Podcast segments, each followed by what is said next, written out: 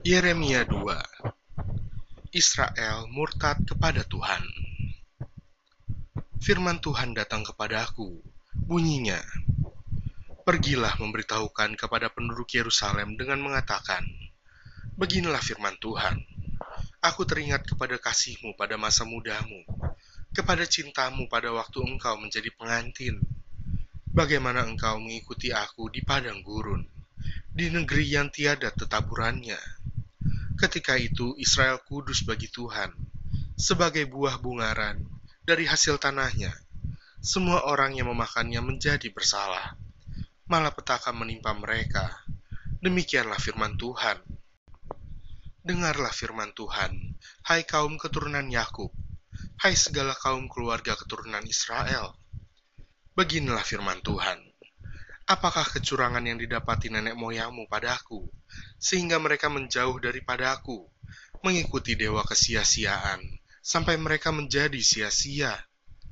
Dan mereka tidak lagi bertanya, di manakah Tuhan yang menuntun kita keluar dari tanah Mesir, yang memimpin kita di padang gurun, di tanah yang tandus dan yang lekak-lekuk, di tanah yang sangat kering dan gelap, di tanah yang tidak dilintasi orang, dan yang tidak didiami manusia.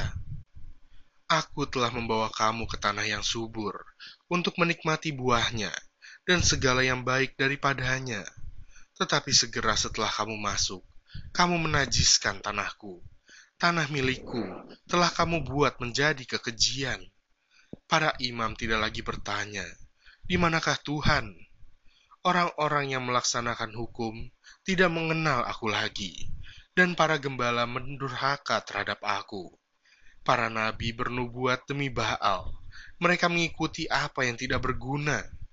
Sebab itu, aku akan berbantah lagi dengan kamu. Demikianlah firman Tuhan. Dan dengan anak cucumu, aku akan berbantah. Menyeberang sajalah ke tanah pesisir orang Kitim, dan lihatlah, suruhlah orang ke Kedar, dan perhatikanlah dengan sungguh-sungguh Lihatlah apakah ada terjadi yang seperti ini. Pernahkah suatu bangsa menukarkan Allahnya, meskipun itu sebenarnya bukan Allah? Tetapi umatku menukarkan kemuliaannya dengan apa yang tidak berguna. Tertegunlah atas hal itu, hai langit. Menggigil dan gemetarlah dengan sangat. Demikianlah firman Tuhan. Sebab dua kali umatku berbuat jahat. Mereka meninggalkan aku sumber air yang hidup untuk menggali kolam bagi mereka sendiri, yakni kolam yang bocor yang tidak dapat menahan air. Adakah Israel itu budak atau anak budak? Maka mengapa ia menjadi rampasan? Terhadapnya, singa-singa muda mengaum, menyaringkan suaranya. Negerinya dibuat orang menjadi tandus, kota-kotanya terbakar, tidak lagi berpenduduk. Bahkan orang-orang Memphis dan Tahpanhes telah menggundul batu kepalamu. Bukankah engkau sendiri yang menimpakan ini ke atas dirimu, oleh karena engkau meninggalkan Tuhan, Allahmu, ketika ia menuntun engkau di jalan? Dan sekarang, apakah untungmu untuk pergi ke Mesir, hendak meminum air sungai Nil? Dan apakah untungmu untuk pergi ke Asyur, hendak meminum air sungai Efrat? Kejahatanmu akan menghajar engkau, dan kemurtadanmu akan menyiksa engkau. Ketahuilah dan lihatlah betapa jahat dan pedihnya engkau meninggalkan Tuhan, Allahmu, dan tidak gemetar terhadap aku. Demikianlah firman Tuhan, Allah semesta alam. Sebab dari dahulu kala, engkau telah mematahkan kukmu, telah memutuskan tali pengikatmu, dan berkata, Aku tidak mau lagi diperbudak bahkan di atas setiap bukit yang menjulang, dan di bawah setiap pohon yang rimbun, engkau berbaring dan bersundal. Namun aku telah membuat engkau tumbuh sebagai pokok anggur pilihan, sebagai benih yang sungguh murni. Betapa engkau berubah menjadi pohon berbau busuk, pohon anggur liar. Bahkan, sekalipun engkau mencuci dirimu dengan air abu dan dengan banyak sabun, namun noda kesalahanmu tetap ada di depan mataku. Demikianlah firman Tuhan Allah. Bagaimanakah engkau berani berkata, Aku tidak pernah menajiskan diriku. Aku tidak pernah mengikuti para Baal. Lihatlah, tingkah langkahmu di dalam lembah. Ketahuilah apa yang telah kau lakukan.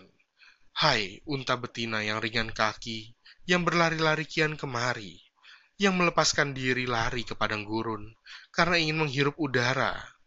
Siapakah yang dapat menahan nafsunya untuk berjantan? Semua yang mencari dia tidak usah berlelah. Mereka akan menemukannya dalam musim berjantan. Jagalah supaya kakimu jangan tak bersepatu dan supaya kerongkonganmu jangan haus.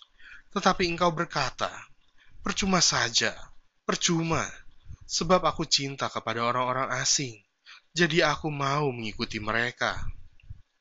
Seperti malunya pencuri apabila kedapatan, demikianlah malunya kaum Israel, yakni para rajanya, pemukanya, para imamnya, dan nabinya, yang berkata kepada sepotong kayu, Engkaulah Bapakku, dan kepada batu, Engkaulah yang melahirkan aku.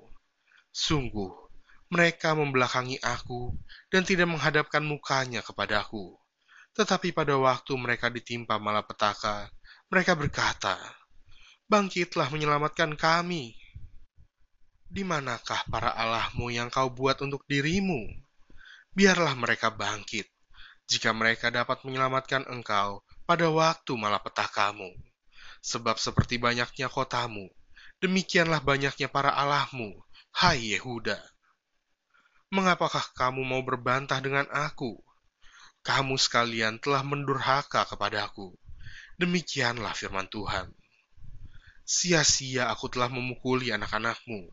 Hajaran tidaklah mereka terima. Pedangmu sendiri telah memakan habis para nabimu, seperti singa muda yang memusnahkan. Keturunan apakah kamu ini? Perhatikanlah firman Tuhan. Sudahkah aku menjadi padang gurun bagi Israel, atau tanah yang gelap gulita?